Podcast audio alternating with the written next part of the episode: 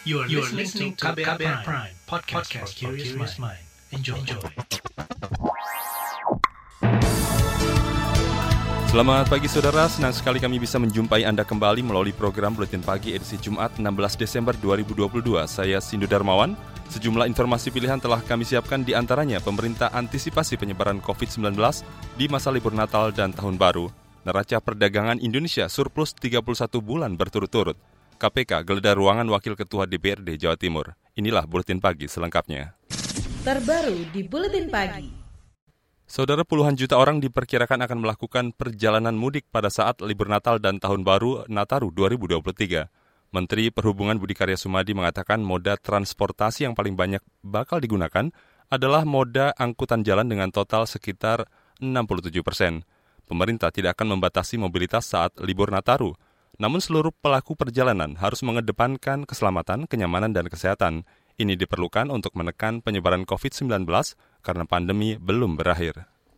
Kami melakukan survei oleh Badan Kebijakan Transportasi bahwa potensi pergerakan nasional Nataru tahun ini adalah sebesar 44,1 juta atau 16 persen dari jumlah penduduk Indonesia yang akan bepergian. Angka ini 13 persen melakukan perjalanan, namun lebih rendah dibandingkan dibandingkan 2019 yaitu 55 persen. Kementerian Perhubungan juga akan memastikan kesiapan sarana dan prasarana transportasi, sosialisasi kepada masyarakat secara masif, dan penerapan protokol kesehatan ketat pada pelaku perjalanan. Selain itu, Kementerian Perhubungan juga akan menerapkan penggunaan aplikasi Peduli Lindungi pada seluruh moda transportasi. PT Kereta Api Indonesia KAI mewajibkan seluruh penumpang dewasa sudah mendapat vaksin dosis ketiga atau booster saat melakukan perjalanan di masa libur Nataru. Direktur Utama PT KAI Didik Hartantio mengatakan, PT KAI menyediakan fasilitas vaksinasi booster untuk memudahkan penumpang yang belum mendapatkan booster. Vaksinasi booster di stasiun dan fasilitas kesehatan kereta api ini kami terus lakukan dan distribusi daripada stasiun-stasiun uh, ini kami lakukan di lokasi stasiun yaitu dari Pasar Senen, Gambir, Bandung, kemudian Semarang, Tawang, Purwokerto, Surabaya Gubeng, Surabaya Plastaturi, Malang, dan juga lokasi-lokasi klinik uh, di daerah-daerah yang lain yang tersebar di Pulau Jawa dari Cirebon sampai di Devri 4 di Tanjung Karang. Direktur Utama PT KAI Didik Hartantio mengatakan pada masa libur Natal dan Tahun Baru kali ini PT KAI akan menyediakan lebih dari 480 perjalanan kereta api per hari. Total ada 5,5 juta kursi setiap harinya. Saudara berdasarkan data Kementerian Kesehatan per 15 Desember, capaian vaksinasi COVID-19 dosis ketiga atau booster masih rendah sekitar 28 persen. Capaian vaksinasi baik dosis 1, 2 hingga booster bergerak lambat sejak akhir April lalu. Kemenkes memperkirakan kasus COVID-19 tidak akan meningkat menjelang momen libur Nataru sebab jumlah varian COVID-19 yang ditemukan di Indonesia menurun. Menteri Kesehatan Budi Gunadi Sadikin mencontohkan saat kenaikan kasus akibat Delta dan Omikron. Jumlah kasus corona akan turun jika varian sudah mendominasi populasi virus yang ada. Kita lihat berdasarkan data, berdasarkan data dari positivity rate yang secara empiris kita lihat ke belakang dan data dari populasi varian genomiknya, kita lihat sih dalam satu minggu, dua minggu akan turun. Menteri Kesehatan Budi Gunadi Sadikin menambahkan subvarian baru Omikron BN1 yang belakangan muncul diperkirakan tidak akan menyebabkan lonjakan kasus. Menurutnya, gelombang COVID-19 terjadi bukan karena mobilitas, tetapi karena adanya varian baru.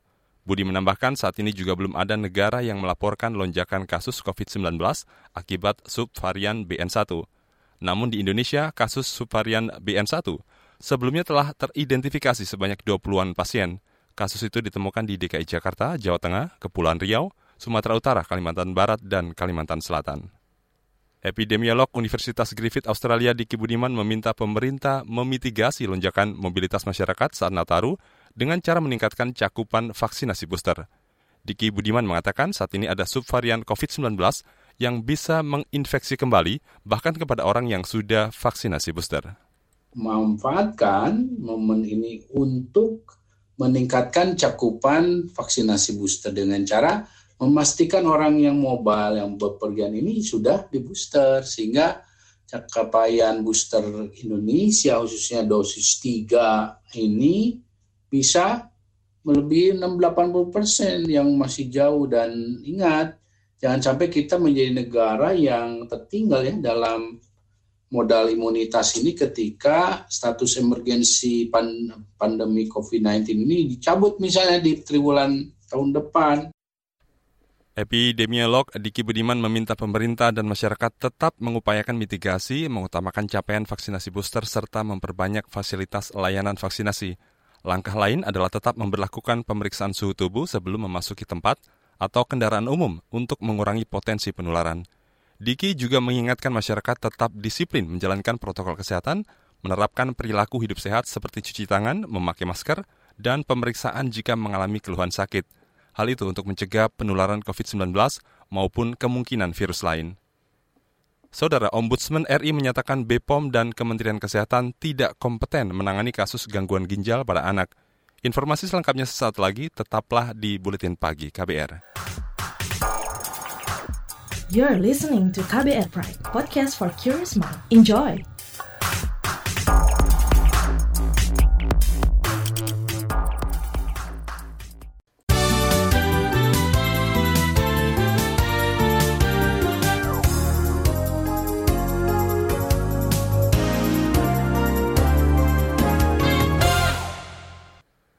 Saudara Lembaga Pemantau Kebijakan Publik Ombudsman RI menilai Badan Pengawas Obat dan Makanan BPOM tidak mengawasi peredaran obat sirup mengandung etilen glikol dan dietilen glikol yang melanggar aturan ambang batas. Hal itu disampaikan anggota Ombudsman Robetna Endi Jaweng saat menyampaikan laporan akhir hasil pemeriksaan dugaan maladministrasi pada penyakit gagal ginjal anak. Endi Jaweng mengatakan BPOM tidak dinilai tidak optimal mengawasi kegiatan farmakovigilans atau efek samping konsumsi obat dengan kandungan di atas ambang batas. Jadi pada Badan POM ini ini kita melihat sejak produksi hingga distribusi pre-market maupun post-market ini masih ada hal-hal yang memang eh, apa, tidak tertangani secara baik yang ini terkait dengan sisi inkompetensi dan eh, berbagai masalah yang ada yang membuat kemudian eh, apa namanya eh, masalah itu tidak tertangani secara optimal. Anggota Ombudsman RI Rombet Na Endi Jaweng menambahkan BPOM dan Kementerian Kesehatan juga tidak kompeten menanggulangi kasus gagal ginjal akut anak maupun pada pengawasan obat-obatan yang diduga menyimpang. Total kasus gagal ginjal akut pada anak ini mencapai 324 dari 27 provinsi di Indonesia. Jumlah korban meninggal mencapai lebih dari 200 orang. Beralih ke informasi ekonomi, Badan Pusat Statistik BPS mencatat neraca perdagangan Indonesia mengalami surplus lebih dari 5 miliar dolar Amerika atau setara 80-an triliun rupiah pada November lalu. Deputi Bidang Statistik Produksi BPS, M. Habibullah mengatakan, dengan demikian neraca dagang Indonesia telah membukukan surplus selama 31 bulan berturut-turut sejak Mei 2020. Adapun kondisi ekspor, impor pada November 2022 nilai ekspor sebesar 24,12 miliar US dollar, nilai impor 18,96 miliar US dollar. Kenaikan surplus November 2022 jika dibandingkan tahun 2021 didorong oleh kenaikan ekspor sebesar 5,8 persen dan penurunan impor sebesar 8,9 persen. Deputi Bidang Statistik Produksi BPS M. Habibullah menambahkan neraca perdagangan komoditas non-migas juga mengalami surplus dengan ekspor bahan bakar mineral, lemak, dan minyak hewani atau nabati serta besi baja sebagai komoditas penyumbang surplus utama. Amerika Serikat, India, dan Filipina menjadi negara teratas penyumbang surplus non-migas Indonesia. Saudara Indonesia diprediksi menjadi pasar perdagangan secara elektronik atau e-commerce terbesar di ASEAN pada 2025. Asosiasi Perusahaan Nasional Pengiriman dan Pengantaran Barang Indonesia Asperindo menyebut di tahun itu Indonesia diperkirakan bakal menguasai lebih dari 51 persen pasar ASEAN. Wakil Ketua Umum Asperindo Budianto Dasmatono mengatakan tahun lalu nilai transaksi e-commerce Indonesia sebesar 53 miliar dolar Amerika Serikat. Banyak investor masuk di Indonesia karena pangsa pasarnya sangat besar sekali di e-commerce termasuk uh, dunia pengirimannya. Karena e-commerce tumbuh tanpa ada yang ngirim, barang tidak akan bisa jalan. Karena barang tidak ada bisa dikirim di satu wilayah tanpa ada perusahaan pengiriman. Wakil Ketua Umum Asperindo Budianto Dasmas Tono mengatakan karena besarnya pangsa pasar tersebut, Indonesia setiap bulan mengalami kenaikan investor. Meski begitu, Budianto menyebut tantangan penyelenggara pos salah satunya adalah layanan gratis ongkos kirim yang dinilai melanggar peraturan Menteri Kominfo tentang tarif layanan pos komersial. Hal tersebut menjadi pekerjaan rumah bagi pemerintah agar tidak terjadi perang harga. Indonesia menempati ranking 32 dalam Indeks Pembangunan Pariwisataan Dunia yang dikeluarkan World Economic Forum. Posisi itu naik 12 peringkat dari periode sebelumnya. Menteri Pariwisata dan Ekonomi Kreatif Sandiaga Uno mengatakan, ini kali pertama dalam sejarah modern Indonesia unggul dalam segi pariwisata meninggalkan Malaysia, Thailand, Vietnam, dan Filipina. Jarang sekali sebuah kementerian menjadi victim of our own success. Semakin sukses, semakin dikurangi anggarannya. Itulah pariwisata kita. Tapi jangan kita bersedih karena walaupun anggaran kurang kita bisa berinovasi, beradaptasi dan berkolaborasi. Menteri Pariwisata Sandiaga Uno mengatakan ada lima pilar yang menyebabkan naiknya prestasi pariwisata Indonesia. Di antaranya pilar prioritas pariwisata dan perjalanan, keindahan alam yang terpromosikan dengan baik, sumber daya budaya serta daya saing harga. Namun Indonesia masih mempunyai beberapa pekerjaan rumah besar di bidang pariwisata, di antaranya kebutuhan infrastruktur, ketahanan lingkungan, dan kesiapan teknologi informatika. Kita beralih ke informasi mancanegara. Perserikatan Bangsa-Bangsa PBB memperingatkan adanya ancaman serius bagi Ukraina jika serangan dari Rusia terus berlanjut. Serangan terhadap infrastruktur di Ukraina bisa menyebabkan kemunduran besar pada kemanusiaan dan memperbesar jumlah pengungsi. Walaupun Rusia selama ini mengklaim serangan tidak menargetkan warga sipil. Dikutip dari Reuters, sebelumnya serangan Rusia terhadap infrastruktur listrik di Ukraina menyebabkan jutaan orang di sana hidup tanpa pasokan listrik, terutama untuk pemanas ruangan padahal negara itu tengah masuk musim dingin. Komisioner Tinggi HAM PBB, Volker Turk, menyebut serangan Rusia itu membuat jutaan orang menghadapi kesulitan yang ekstrim. Saat ini sekitar 18 juta orang di Ukraina menggantungkan hidup dari bantuan kemanusiaan. Kita ke informasi olahraga. Dari ajang kompetisi sepak bola Liga 1, klub PSM Makassar mengalami kekalahan perdana di sepanjang musim setelah kalah tipis 1-0 melawan Madura United.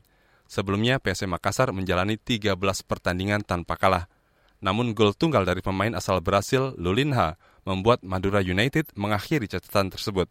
Kemenangan ini membuat Madura United naik ke peringkat 3 klasemen sementara Liga 1, sedangkan PSM Makassar melorot ke peringkat 4. Namun PSM masih memiliki satu pertandingan lebih. Puncak klasemen Liga 1 ditempati Borneo FC yang menang 3-1 melawan Bali United, sementara Bali United harus terima di peringkat 2 klasemen. Di bagian berikutnya kami hadirkan laporan khas KBR, kali ini menyoroti proses verifikasi partai calon peserta pemilu 2024 yang dianggap tidak transparan. Tetaplah di Buletin Pagi KBR. You're listening to KBR Pride, podcast for curious mind. Enjoy!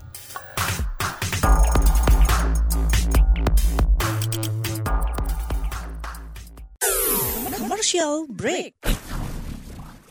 Ada kesedihan, air mata, dan trauma. Namun ada juga gelak tawa, bahagia, dan rasa bangga. Cerita kehidupan manusia adalah perjuangan dan pembelajaran. Pertanyaan dibalik itu secara psikologi, apakah dia punya niat membunuh? Kan belum tentu. Saya kaget ketika ada konflik sesama orang Madura sendiri mengatasnamakan aliran keagamaan. Sejak itu, warga Syiah harus mengungsi sampai sekarang. Untuk kehidupan saya pada waktu itu aja nggak menentu kan. Boro-boro mikirin untuk perpustakaan gitu. Saga, cerita tentang nama, peristiwa, dan fakta. Liputan khas KBR ini telah memenangkan berbagai penghargaan nasional dan internasional. Anda sedang mendengarkan program Saga Produksi KBR. Simak di program Buletin Pagi pukul 6 waktu Indonesia Barat, Buletin Sore pukul 16 waktu Indonesia Barat, dan KBR Pagi pukul 7 waktu Indonesia Barat. Dengarkan Saga di radio jaringan KBR di Nusantara atau streaming di kbr.id. Saga juga hadir dalam bentuk podcast di kbrprime.id. KBR Inspiratif Terpercaya.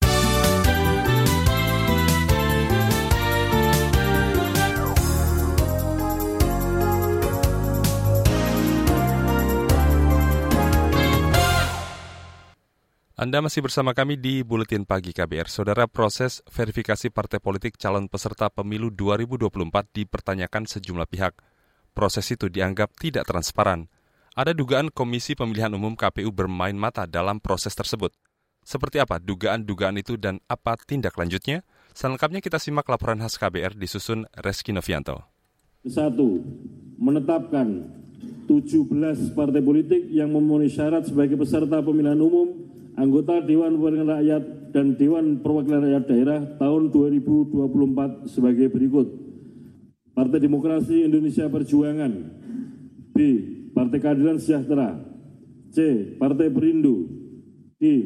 Partai Nasdem. E. Partai Bulan Bintang. F. Partai Kebangkitan Nusantara. Saudara Komisi Pemilihan Umum KPU RI mengumumkan 17 partai lolos verifikasi administrasi dan faktual. Ketua KPU RI Hashim Asari menyatakan, 17 partai itu berhak ikut dalam kontestasi pemilu 2024 mendatang.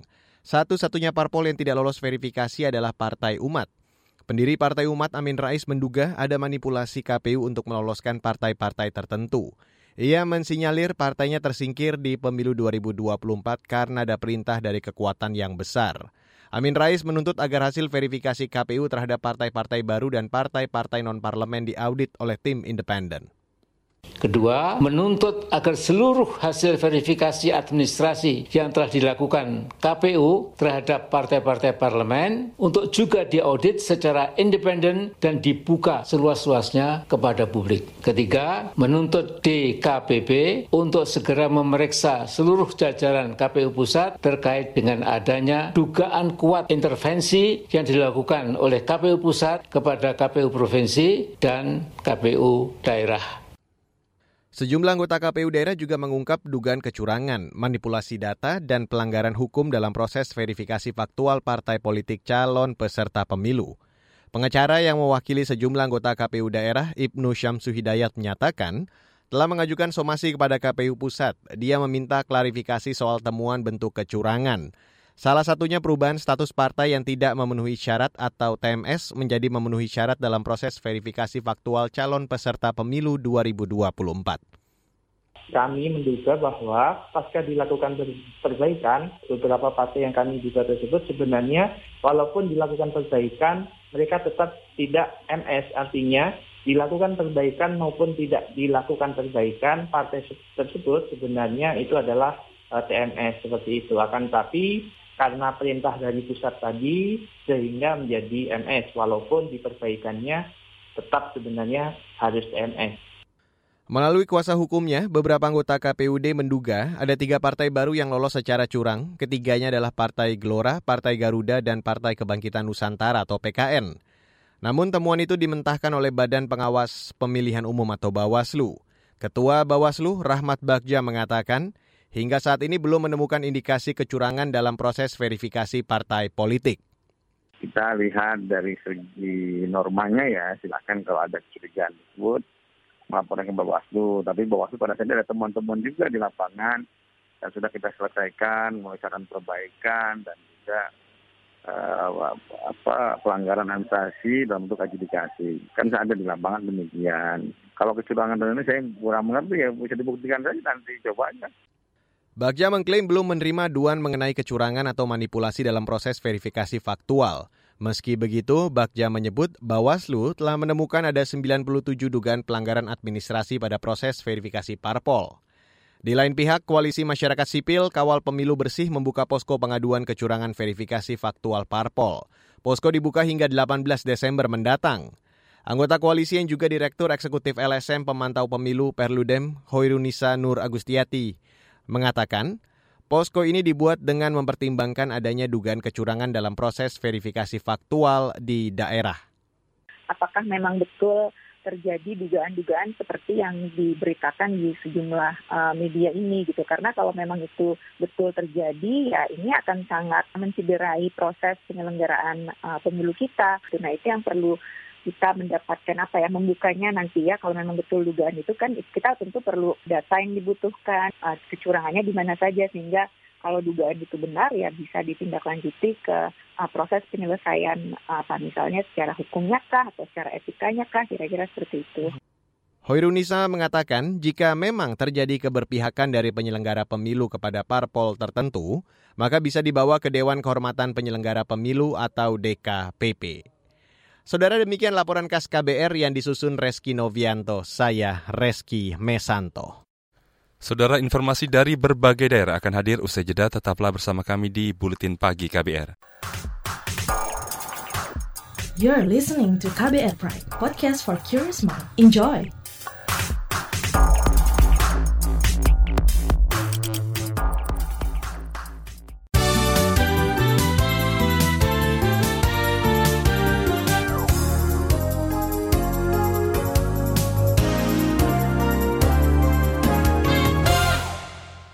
Inilah bagian akhir buletin pagi KBR. Saudara pemerintah mengklaim kelompok Tentara Pembe Pembebasan Nasional Papua Barat Organisasi Papua Merdeka TPNPB OPM enggan berdialog meskipun sudah dijembatani pihak lain.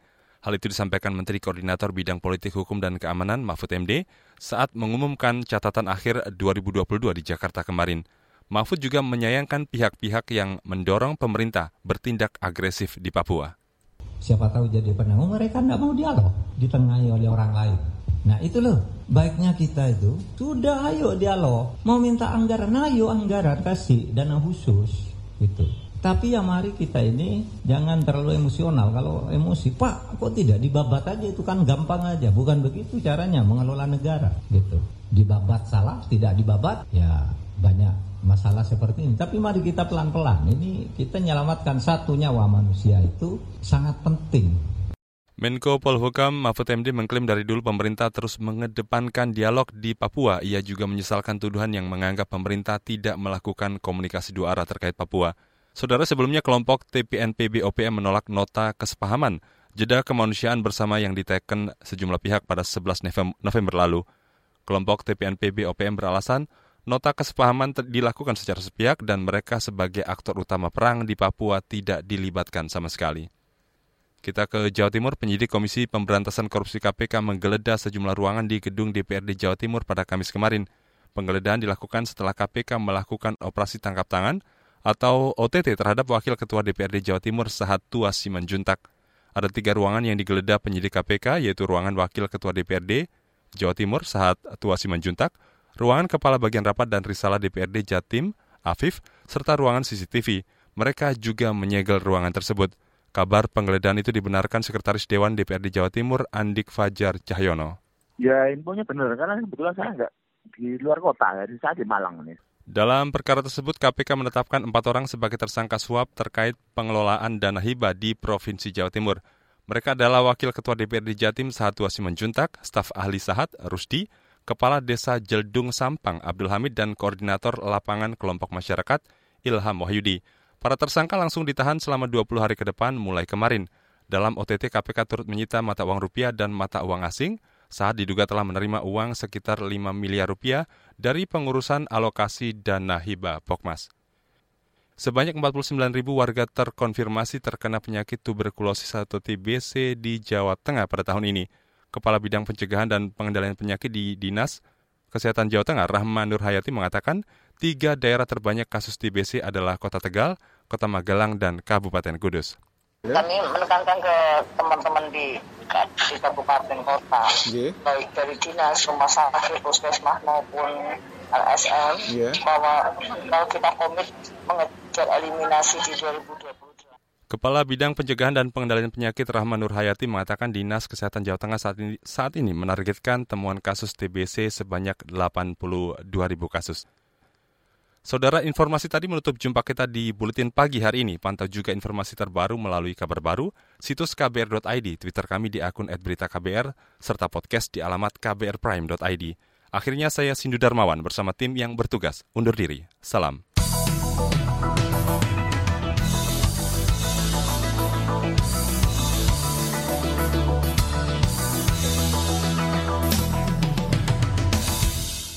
KBR Prime, cara asik mendengar berita. KBR Prime, podcast for curious mind.